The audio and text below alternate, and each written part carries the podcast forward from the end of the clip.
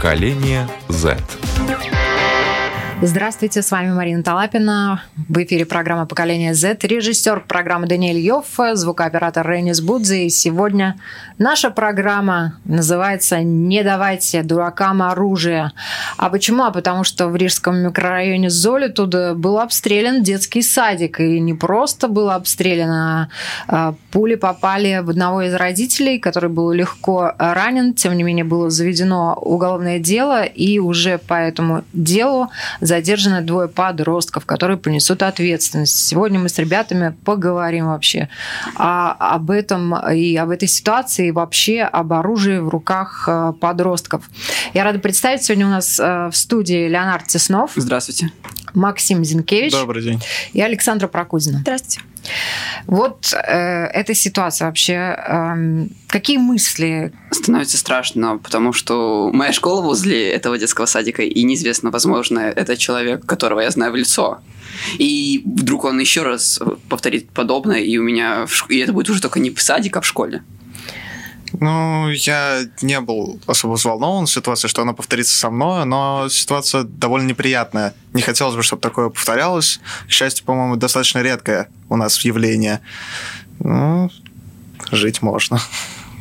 Ну, я живу буквально в 10 минутах оттуда. Это, конечно, не очень новости, но они меня не сильно удивили, учитывая, какие бывают личности встречаются в Золе, Тудеймонце и так далее.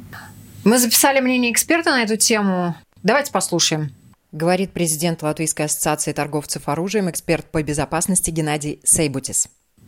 Знаете, главный момент для меня в этом это, э, что современного поколения э, порог, порог морально-психологической ответственности за свои действия, но очень понизился, скажем так, мягко.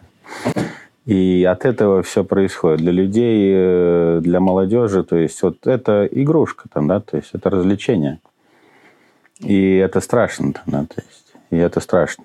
Э, если говорить конкретнее, э, продажи и приобретение пневматического оружия разрешена только с 18 лет, там, да, то есть, то есть вопрос, опять же, здесь ответственности родителей этих э, юнцов, там, да, значит. Или это родители им купили и дали иммиграции, либо они где-то условно ну, незаконно это приобрели. Вы, помимо того, что занимаетесь вопросами охраны безопасности уже несколько десятков лет, вы также являетесь сами папой. Да. А как вот вы разговариваете с своими детьми об оружии? Какие вопросы они вам задают? У меня так случилось, у меня младшая дочка занимается профессионально стрельбой, стрельбой из лука, там, да, значит, то есть э, именно как бы она младшей дочки и старшей заодно параллельно там видит все это и учится. Это, естественно, в первую очередь вопросы безопасности там, да, по отношению к себе, по отношению рядом с тобой находящихся людей. И, конечно, это вопрос ответственности, вот, э, что это не игрушка даже вот там продаются типа для развлечения там луки, арбалеты, там, да, типа для развлечения, но это, грубо говоря, смертельное оружие, так сказать. И в любой момент, то есть, условно, тоже столовый нож или, или топор может превратиться в смертельное оружие. Там, да. Здесь именно вопрос понимания и работы, ну, я не знаю, если бы родители этих детей, я не берусь никого учить жизни, там, да, то есть, но хоть как-то, хоть что-то с детьми вели какую-то разъяснительную беседу там, да, значит, ну, я не представляю, ну, и 15 лет, извините, там, по-моему, 14-15 лет там было, там, это взрослые люди. С 14 лет уголовная ответственность, там, да, то есть это взрослые, осознанные люди, там, да.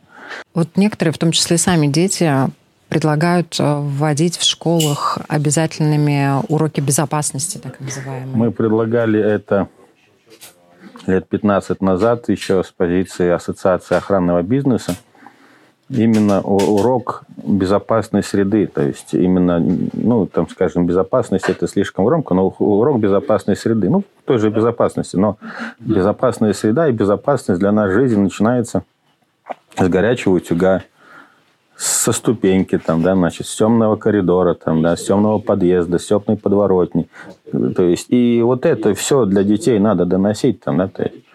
И, соответственно, естественно, это доходит и до уровня, что там молодой человек там скоро будет отцом семейства, что он является, называйте как хотите, охранником, телохранителем своей семьи, там, да, то есть надо думать там о газовом баллончике, там, да, значит, опять же, кто во сколько возвращается домой, как встретить дома, поставить сигнализацию, там, чтобы огнетушитель был, там, да, то есть, ну, вроде элементарные вещи, там, да, но для большинства людей в нашем мире это как само собой разумеющееся, с одной стороны, с другой стороны, меня это не касается, там, да, то есть, поэтому так. Ну, вопросов много, которые действительно требуют, наверное, подготовки с малых лет, с той самой парты, для того, чтобы народ молодой уже рос и впитывал это. Ну, вы сказали правильное слово, это надо впитывать. Просто впитывать. Это точно так же, как мы учим математику, иностранные языки и так далее. Это если ты это не будешь впитывать, если ты не будешь этим пользоваться, то это уходит, просто к тебе не прилипает. А не прилипает, ты этим не пользуешься, ты этого не знаешь, и для тебя это не мое, меня не касается. А что вы сказали тем вот ребятам, которые взяли оружие без спроса, спросив, неважно? Знаете, я очень, э, ну, практично, может быть, э, грубовато, цинично, но тем не менее. Сегодня есть игры, например, пейнтбол, там, да, вот ты можешь пойти и поиграть. Вот, вот возьмите и сходите и попробуйте, чтобы вот друг, в друг дружку, одев там безопасные маски защиты, вот в друг дружку стрельните и почувствуйте, какая то боль, какие синяки там и так далее, для того, чтобы понять, какой вред вы причиняете другим людям.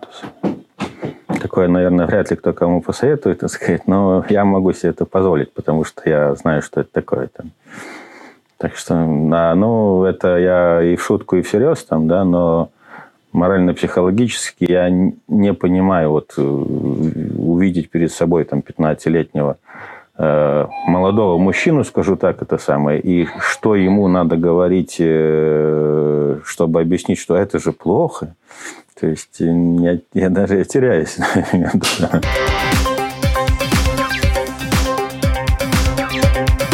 Поколение Z. Если забить в поисковике стрельба из пневматического оружия, то и в августе были люди задержаны, которые ранили женщину, ранили, да, пневматическое оружие, казалось бы, оно обстреляли поезда в Золе тут, да, там тоже заведено уголовное дело. Э, вину к этим двум подросткам. Но она пока не доказана, поэтому мы не можем говорить, но их также э, подозревали и в этом. Потом была обстреляна женщина с коляской в прошлом году, и попали в ногу, и в коляску попали, и пробили э, материал, из которого она сделана. А там находился маленький ребенок трехмесячный. То есть это не такое уж редкое явление сегодня. Согласна? Согласна. Я знаю, на самом деле, очень много людей, которые имеют такое пневматическое оружие. Его достать достаточно легко, а цены недостаточно высокие на него, как по мне. В районе 100 евро, даже меньше, можно найти подешевле. Если с рук брать, можно получить себе такой же. Ну вот вы сами из такого оружия стреляли, пробовали там в тирах? А, да, в тирах стреляли. По банкам из пива, от под пива. Да, на дачах, по бутылкам, по банкам, в стекло. Ну, у меня это максимум воздушка какая-то. Ну, это есть пневматический воздушка. Ну, я не попадаю. Ну, слава богу, может быть, что не попадаешь. Тем не менее, оно действительно доступно. И э, ради баловства, вот казалось бы, можно пострелять. Вопрос где? Ну, скорее всего, на своей собственной территории. Для, даже должны быть безопасные условия, чтобы за забором никого не было, никакого жилого помещения. Подальше от заборов и соседей. Да, в соседей, чтобы не попасть, не дай бог. Желательно это вообще делать в специально отведенным под это местам, стрельбища и тиры. Да, можно приходить, арендовать площадку. И оружие, и стрелять сколько угодно. Это такая идеальная ситуация. Вот что... Идеально, но это дорого у нас. Тиры у нас достаточно дорогие. Вот интересно просто, что двигало людьми. Эко- экономия и там я думаю, Или возможность пострелять по живым мишеням. Я думаю, им от какого-то там дедушки про дедушки попался пистолет. Они развлекались с ним и решили, а давайте постреляем по детскому садику. Приш... Э, поняли, что кто-то пострадал. Пистолет, насколько я понимаю, они спрятали в кустах и попытались скрыться. Ну, то есть это было баловство да. совершенно э, людей, не думающих о последствиях. Ну, В принципе, как и все подростки. Ну как вот что мы вычитали, они сказали, что им просто было скучно. для подростков, на самом деле, такого достаточно юного возраста, пистолет — это круто. Ну, круто с ним везде ходить, его держать в руках. Я не знаю, чуть что там, да я тебя расстреляю сейчас здесь. Но, не знаю, желание оказаться крутым — это так, по-ребячески, но тоже работает. Я бы тоже, возможно, хотел себе такой. Но стрелять по детским садикам, это, скорее всего, было спонтанное очень решение. Давай, по приколу это сделаем. Паль-паль и убежали. Ну, других- Попали, убежали, по стеклам тоже попали. Тут Мгм. несколько дырок, три дырки, по-моему, в я окне. даже ехал в этой электричке, в которую обстреливали до этого. Там дырочки такие неприятные. Ну и вот э, вопрос вообще в школу кто-то с оружием игрушечным хотя бы даже ходит? А мы не знаем. И школа проверить не может. У нас не стоят металлодетекторы. Просто ты входишь и выходишь. Учителя проверяют, чтобы это были дети, не было учителей, и все. не было родителей, и все. Я уже даже полицейского на школе не видел. У нас вахтерша сидит, с- бабушка старенькая, просто смотрит, иногда поваркивает. Но что она проверит, что она узнает, у кого там оружие, кто там с чем пришел в школу. И И еще, все равно, по большому счету. еще в, в да- в придачу 1300 человек. Никто не может знать всех в лицо. И в школу может попасть кто угодно. Слушайте, ну вот эти вот все истории, это же не первая история, да. Ну, здесь пневматическим оружием, ну, вы же наверняка слышали об историях, которые были там в США, громкие достаточно, да, где было большое количество жертв. Что вообще человека может двигать, когда он берет оружие и идет мстить, играть? Насколько он не осознает ответственности и последствий? Я думаю, что человек вполне уже может осознать это, учитывая, даже если это подросток, но просто, возможно, на последствия уже все равно им движет, не знаю, отчаяние абсолютно, ну, грубо говоря, пофигизм за то, что он может за это получить. Ну, человека уже нечего терять. Неприязнь ко всей этой атмосфере школьной, ко Это, всем это этим, можно понять. ко всем ну, этим людям, которые сильно. тебе Обыч- портят жизнь. Обычно это подростки, которые уже в, глубоч- в глубокой депрессии, потому что они при- и используют идею того, что им уже нечего терять. Боже, типа в тюрьме будет и то лучше, чем в этой жизни. Обычно, кстати, частая история, что после этого они сами совершают суицид. А, И они дум... у них очень много людей, которые к ним плохо относятся в школе, они хотят им отомстить, поэтому и убивают. Слушайте, ну вот это вот депрессия, да, человек в депрессии, человек озлобленный. Вот вы видите э, таких ребят в школе? Ну, Они по сути, видны или это скрыто? от- Подросток, по сути, в своем возрасте сталкивается, ну, как бы начинает осознавать, что вообще, как работает и устроен мир.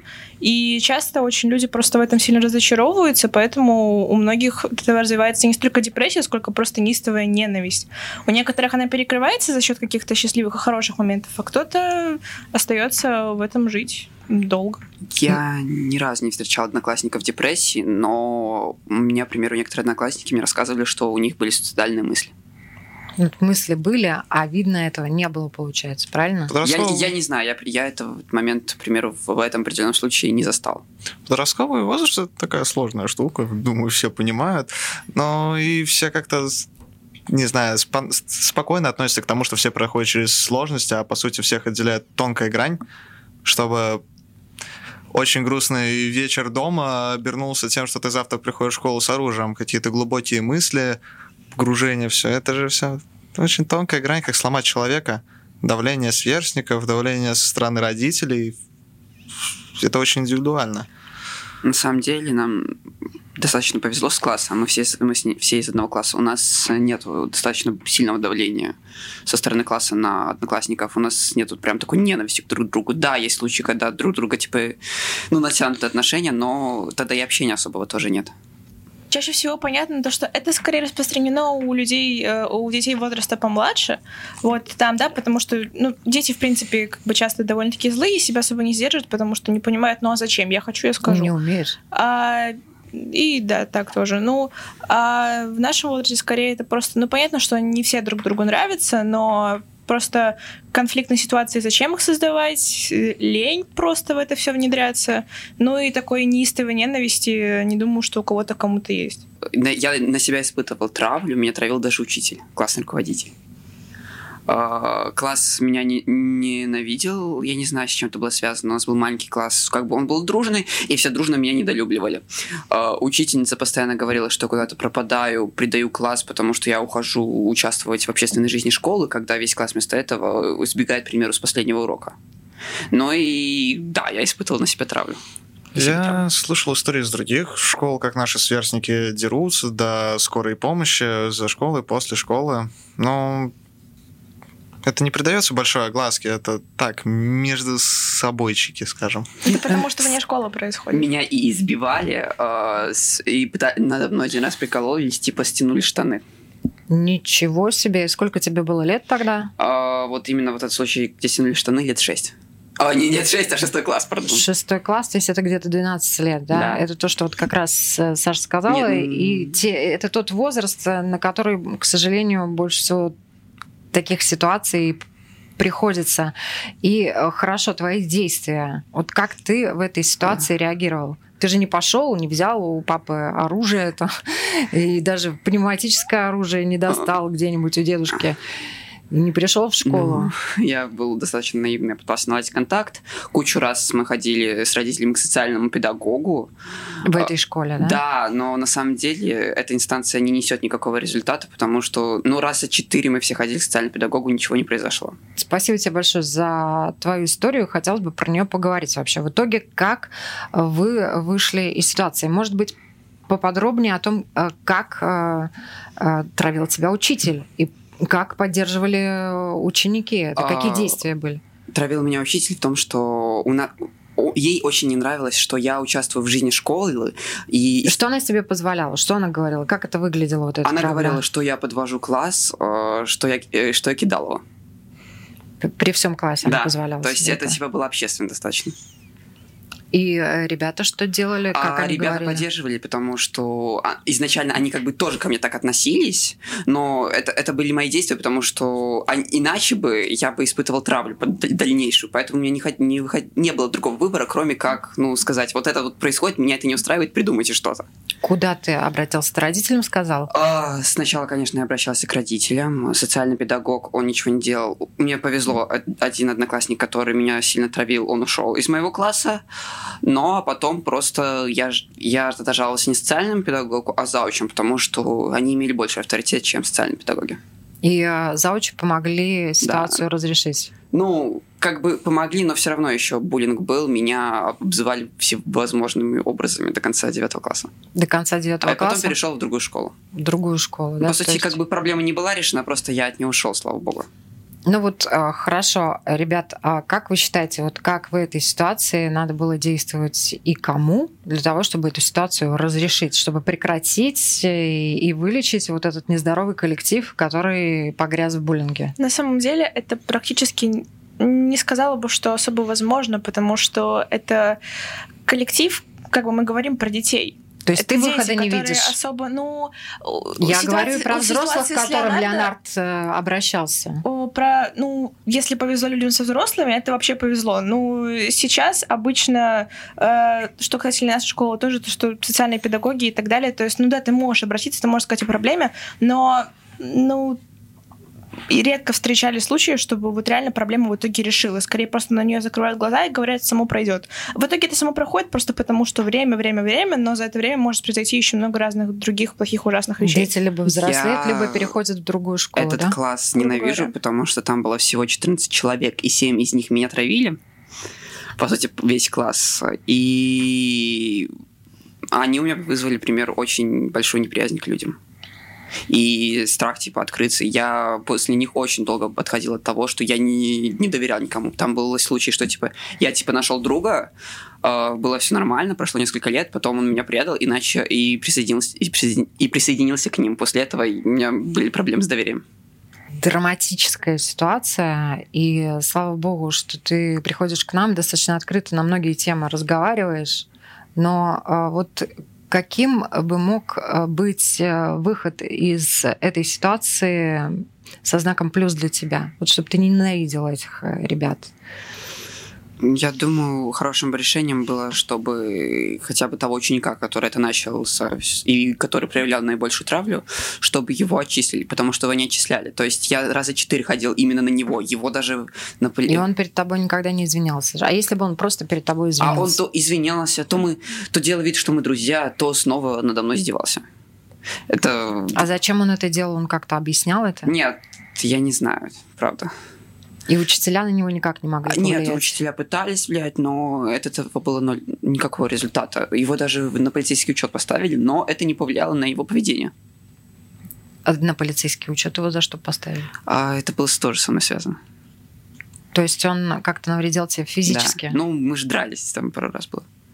То есть из-за такого, что он тебе нанес э, физические травмы? Ну, смотрите, э, социальный педагог должен что-то действовать, когда жалуются. Ну, было достаточно жалоб на него, ну и там произошло такое. Ну, это никак не повлияло на его отношения со мной. Угу. Хорошо. То, что касается преподавателей других а, и преподавательницы, которая позволяла себе в отношении тебя высказывания, э, ты а поведение преподавателя кому-то рассказывал? Нет. Нет. А, был случай, была проблема в том, что у нас в нашем классе, у нас, наш класс был настолько плохой, его так не любили, что учителя отдельно пригласили, и пока он нас не знает, типа, нас назначили на нее. Но только я полтора года, кажется, пробыл с этой учительницей, потом уже закончилась девятый класс. А, но я никому не говорил, и даже родители это не знают. Насчет того, что учительница себе это да. позволяла и поддерживала Класс. ребят. Учительница была молодая или опытная Нет, уже? но она опытная. Но она, знаете, выгоревший учитель, который ненавидит школу. А ее потом в итоге уволили из-за того, что она напилась но в школе. Ребят, слушайте, вам так повезло в кавычках, я не знаю, вот... Э, Это, я, если что, был в другой школе по сравнению с ними. Да, и, ну, вы учитесь в какое-то такое несуразное время, когда учителя потеряли свой авторитет. И хочется надеяться, что все-таки есть какие-то учителя, которые этот авторитет не потеряли. Есть. Такие, правда, есть, но это вообще один шанс на миллион. Вот реально, вот в нашей конкретной школе я могу назвать всего лишь ну, несколько людей, которые действительно вызывают сильное уважение, желание прислушаться, слушать, желание даже учиться. И, ну, Таких немного, но они еще остались. И грустно, что таких почти нет. Я думаю, что в итоге просто не останется. А, это очень зависит по отношению к учителям, потому что и в прошлой школе, меня в прошлой школе очень тоже травили, потому что считали, что я подлизываюсь к учителям. Но я просто как бы строил с ними человеческие хорошие отношения, не видел проблемы э, хамить им и так далее. Но и когда, когда ты с ними строишь человеческие отношения, как бы ты их уважаешь, они тебя уважают, и нормально. Конечно, это не то прям повсеместное ну, уважение. Просто эту ситуацию на самом деле могли а, разрулить а, преподаватели или руководители, а, там, представители администрации школы, которые пользуются авторитетом у учеников. Но это такое впечатление, авторитета что... нет, есть страх. Да. Авторитета нет, есть страх. Увы. Как правило, у учителей, у которых есть авторитет, у учеников его не так много в администрации. Ну, тогда, наверное, где-то можно понять этих детей, которые... Хотя нет, наверное, все-таки нельзя понять детей, которые берут в руки оружие и пытаются там кто-то от нечего делать. Можно понять причины и желания, но все-таки мы не животные, что-то нужно сдерживать и понимать, почему так нельзя. Есть же также причины, почему этого делать просто нельзя. Если, я думаю, если бы у этого человека был хороший друг или учитель... У, бы... у них их было двое. Да, но они веселились. А если они, они очень плохие друг другу друзья, потому что им просто было весело, они пытались развлечься. А если мы смотрим именно стрельбы в школах, то тут именно нужна поддержка от друзей, у которого этого человека не было на тот момент. Если бы учитель обратил внимание на него, то тоже такое могло не произойти. Хорошо. Вот какие методы профилактики должны быть в школах для того, чтобы не допускать ни баловства, ни агрессии? Металлодетектор. Я хотела сказать. Но металлодетектору это он тебе особо ничего не даст, тебе нужен будет досмотр от людей в форме. Я бы хотел, чтобы, наверное, было больше полицейских, представленных в школе, потому что это и снижает шансы того, что будет происходить какая-то нелегальная активность в школе, и это будет давать все же какое-то, не знаю, чувство того, что за тобой следят и могут в любую секунду, типа, подойти. То есть человек так не чувствуя, что, что за ним не будет последствий быстро за его действия, у него есть время, у него будет типа меньше желания совершить то, что он хочет. Ну, может быть, просто не будут появляться мысли даже совершить что-то подобное. Ну, мысли будут мысли появляться. это другое. Мысли это какие-то... Действий, скорее всего, будет меньше. Когда есть человек э, в школе, который может обезвредить этого стрелка, то, конечно, он же подумает два, э, еще раз, стоит ли это делать. Стоит ли вообще приносить оружие. Так все себя будут чувствовать безопаснее. А как защитить детей в детском саду? Поставить пуленепробиваемые стекла. Вокруг Но это поможет сада. только пока они сами в садике. Дет... А вокруг тоже должны наверняка ходить Но, полицейские. На, на самом деле родители прям суицидники это, э, и убийцы это крайне редко. Ну, даже по сравнению с тем, что вообще подобное это редко. Но стреляли-то по детскому саду из окон многоэтажки, которая стоит да. напротив. То есть забор такой размером с многоэтажку. И, из пуленепробиваемого стекла тоже. Но должны быть какие-то, наверное, еще профилактические меры, я не знаю, акции. Если бы вам сказали там урок безопасности? Как бы вы его построили, о чем бы вы там говорили? У нас вот это крайне редко, потому что у нас обычно такие темы по типу мотивация на классном чаще, выбор профессии, согласен, это важно, но не только же постоянно об этом говорить и так далее, а более такие острые темы, которые прямо влияют на нашу жизнь, крайне редко раскрываются на классном часу. То есть нам говорят то, что это плохо, но это говорят нам первые три года обучения в школе, то есть это первый, второй, третий класс, а дальше э, принимают это как за, как за данное, хоть иногда появляются такие индивидуумы, которые забывают про, про это на самом деле, с безопасностью в школе. Не знаю, у нас, можно сказать, что приемлемо, но я бы сказал, что реализуется не очень. Допустим, те же самые учебные пожарные, э, пожарные учения в школе. Раз в год. Раз в год они у нас проводятся, и все равно примерно 40% учеников убегают сами, как хотят, через любую дверь, а не назначенную дверь, без учителя. Но это же не рабочая система тогда получается, это нужно повторить. Ну, у нас в новом корпусе у нас двери тяжелые, они открываются медленно, чтобы предотвратить э, террористические акты. Это уже хороший шаг. Ну, они открываются только с одной стороны даже, некоторые двери. Да. Честно говоря, у меня первый инстинкт это посмотреть на всех, кто вокруг, и удостовериться в том, что они будут в порядке. Не знаю почему, но у меня так в любой какой-то стрессовой ситуации. А, так-то, ну вот честно, вот мы сейчас говорим про школу, а так, ну я могу выйти, какова гарантия, что сейчас не пройдет какой-то мужчина рядом и не порнет меня ножом? И что мне делать? Взять свой нож и пырнуть его? Я не знаю. Ну, ну, защищаться, доверяться инстинктам самосохранения, которые желательно, чтобы были развиты получше. Если да. класс будет дружественный, они будут внимательны друг к другу, и, не бу- и они не будут объединяться, чтобы булить одного человека, то подобные ситуации будут реже. Потому что обычно все, же, все подобные ситуации это люди-изгои. Просто люди должны друг друга поддерживать. Людям нужны люди. И... Угу. А которые вот это совершают, э, им нужно наказание? Смотрите, не дадут наказания, это будут совершать чаще.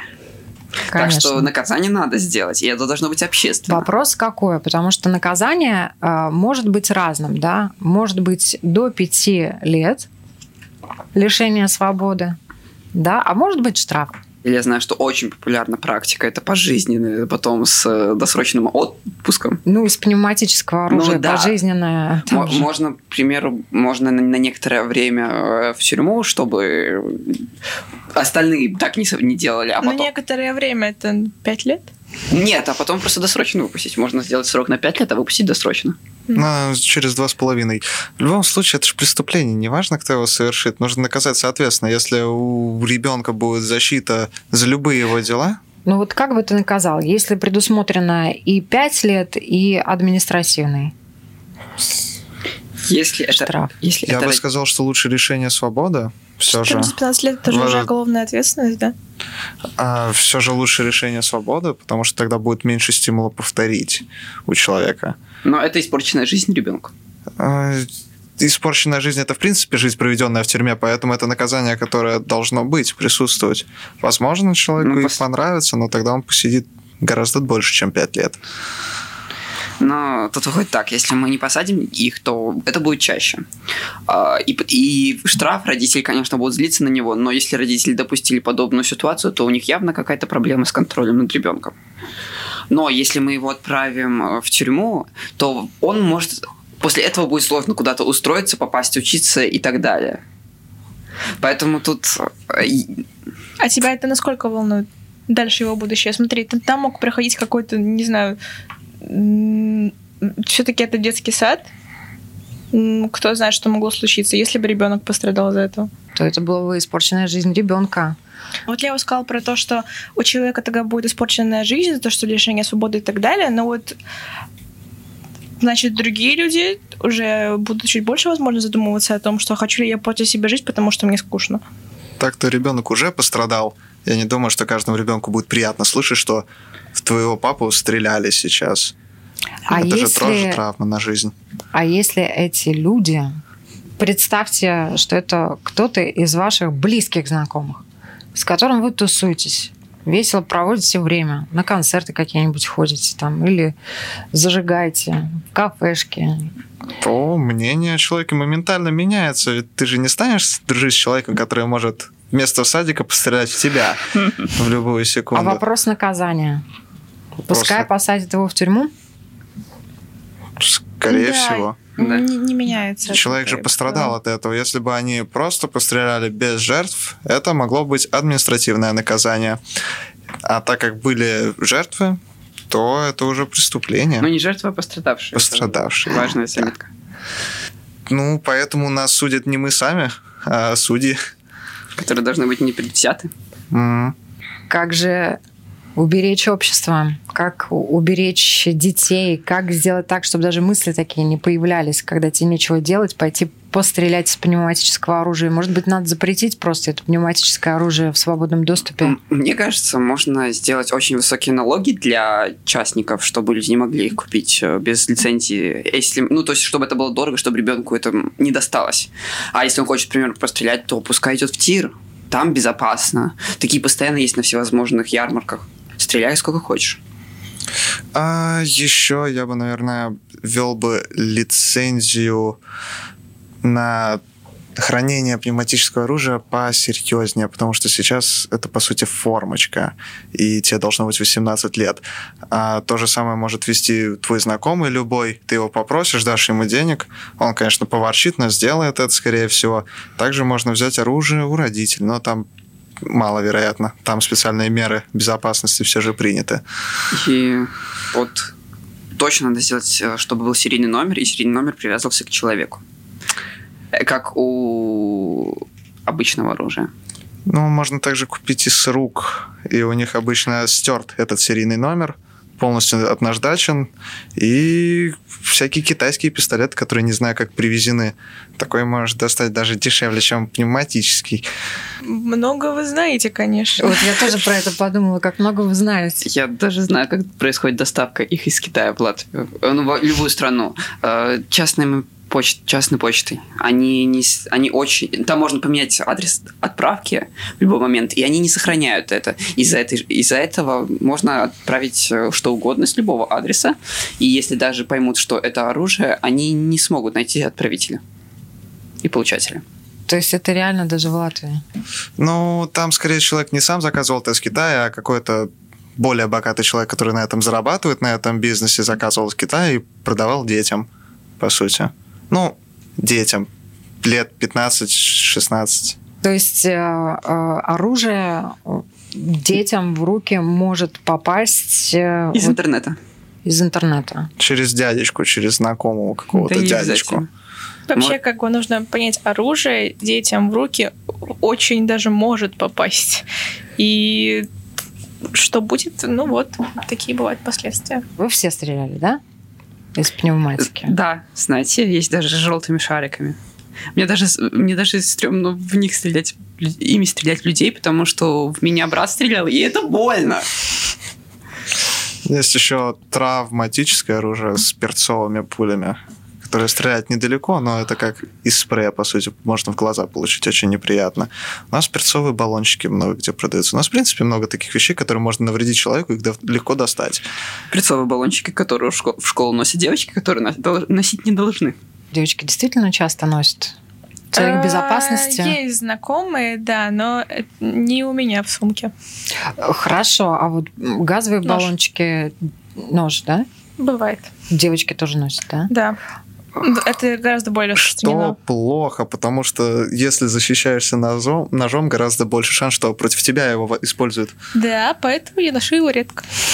А, то есть ты его еще и носишь. Редко. Но мне кажется, это больше перочинный ножик, чтобы, я не знаю, яблоко порезать. Эти газовые баллончики перцовые, эти перочинные ножики. В каких ситуациях приемлемо? Если нарушена безопасность, Личное пространство, скорее. личное пространство, безопасность и так далее. Ну, это, конечно, ну, если человек просто ко мне подошел впритык, потому что э, толпа, места мало, я не достану нож и не начну его Тыкать. Да. Но если я реально понимаю, что личность вызывающая и не очень мне приятная, ну, нож как бы... Это еще нужно иметь силы и смелость, чтобы его применить. А еще а есть... так-то просто лучше не попадать в такие ситуации. А если ты его еще и применишь, то не факт, что тебя Не посчитают факт, него что вот невинной. И поэтому я считаю, что перцовый баллончик и электрошокер гораздо лучше, чем нож. Я обычно просто бегаю.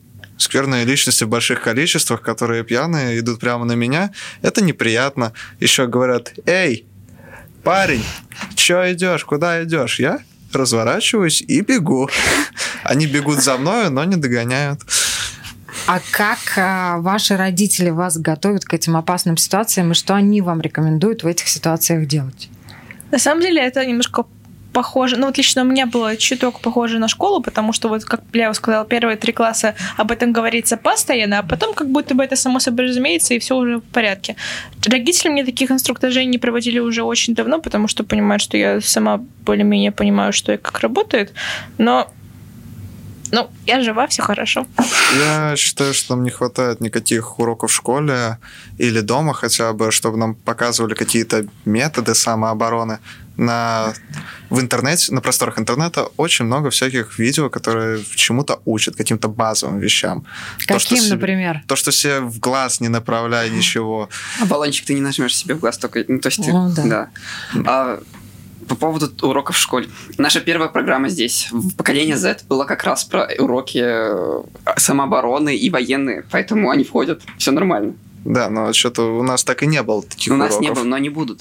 Мне кажется, нас учили по спорту как-то... Нас учили падать. Ну ладно, Это уже что-то. это уже хорошо, да. Но не перед врагом. На колени Честно говоря, я думаю, если мы попросим, нас научат. Ну, наша учительница. В каком возрасте вот действительно вы э, считаете, что надо уже пора вводить такие уроки, которые помогут детям в случае необходимости себя защищать? Я считаю, Ну, что это нужно изначально- вводить в старшей школе, потому что если детей такому учить слишком рано, они начнут это все экспериментировать друг на друге, будет гораздо больше травм. А если человек уже более взрослый, его этому обучить, то ему это более актуально, так скажем. Ребенок, даже если он знает все стили боя джиу-джитсу, не сможет одолеть человека, который в три раза больше него. А может быть, сможет. Джиу-джитсу уже построено На использование веса оппонента в свою сторону, но я все же сомневаюсь в силе ребенка. Сможет ли он это провернуть? Ну, я считаю, с класса так 10-9, но это должно быть э, идти таким образом, чтобы классы были перемешаны, потому что если классы будут не перемешаны, тогда они будут э, буллеры использовать эту возможность, чтобы поиздеваться над ребенком. То есть это надо тоже вводить очень корректно, Корректно, да, и, соответственно, чтобы это не стало поводом для травли кого-то еще Ну, этими способами. Да, потому что, ну, мы не знаем, как это может быть использовано против их же самих. Конечно, если все там будут хорошо учиться, то будет все прекрасно. Но разве так возможно? В любом случае нужно понимать свои, свои силы, и против человека, который профессионально увлекается таким спортом, пробовать что-то бессмысленное, если честно. Лучший вариант это бежать. Я смотрел рекомендации. Если на тебя идут с ножом, то беги. Если идут с э, пистолетом, то отбирай. Тебя все равно пристрелят, а ножом ты, а а от человека с ножом ты сможешь убежать. Ну и на этой позитивной ноте, в надежде, что все убегут от э, каких-либо бедствий. Как в «Матрице» увернуться от пули. Да, я предлагаю дать ваши советы и рекомендации ребятам, которые вдруг могут попасть в сложную ситуацию. Ну и родителям, наверное, о том, как и когда, во сколько лет беседовать со своими детьми, чтобы они знали, как защитить себя в сложной ситуации.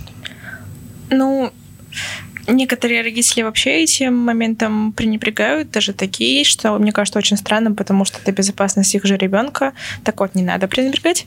Эм, и таких ситуаций иногда избежать невозможно, поэтому просто держитесь рядом с высокими и сильными друзьями. Мои родители мне сразу в детстве сказали, Максим, ты, конечно, можешь все, свернуть любую гору, но самое лучшее решение такой проблемы – это бежать.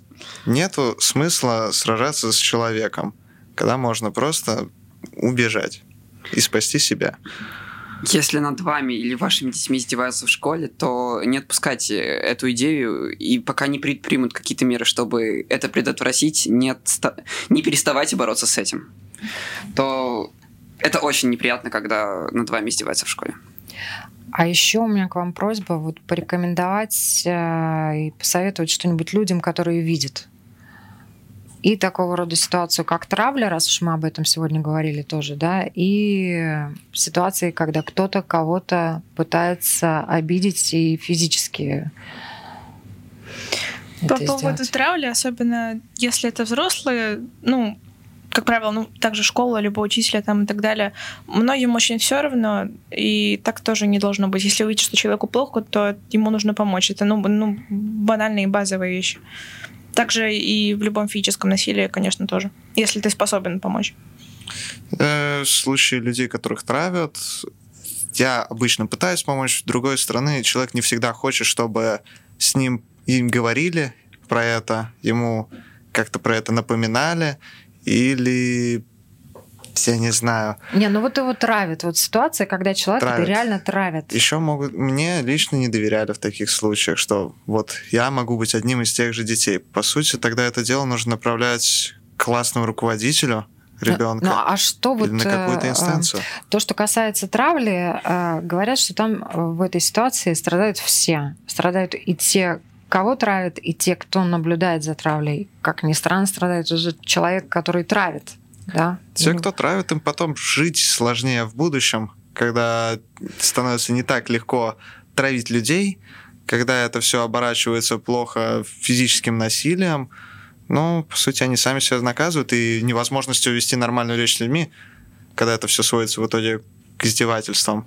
Но что может сделать человек, который наблюдает? Вот стоять и наблюдать, или пойти кому-то рассказать, или стать плечом к плечу с человеком, которого травит, и сказать, так нельзя?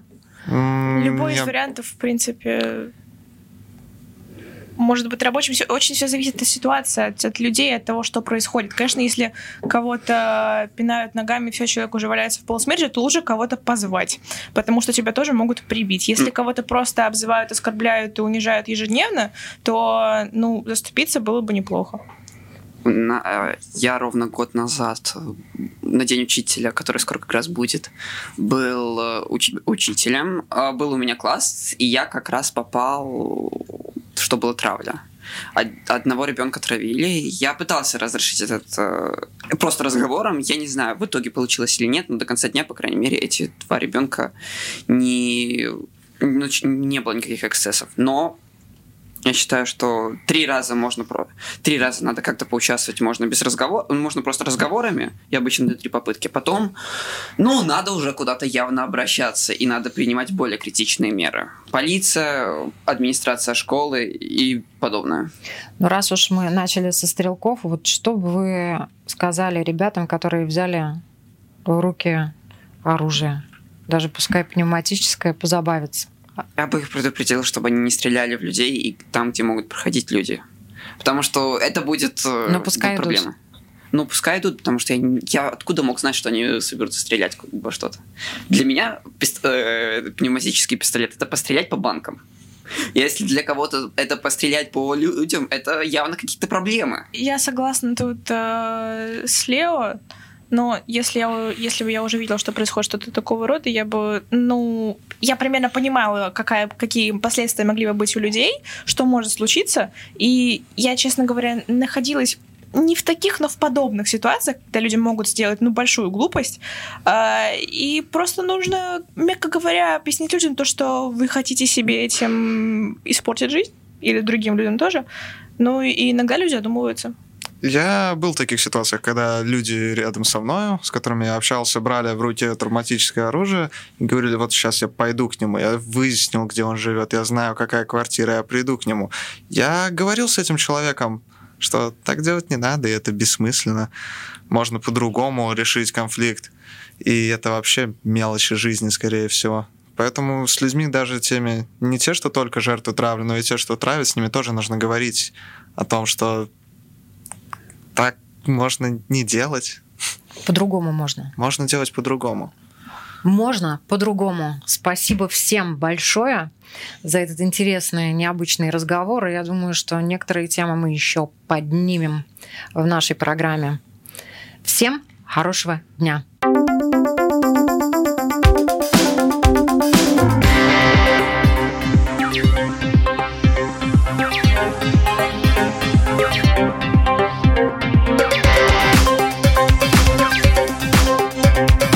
Поколение Z.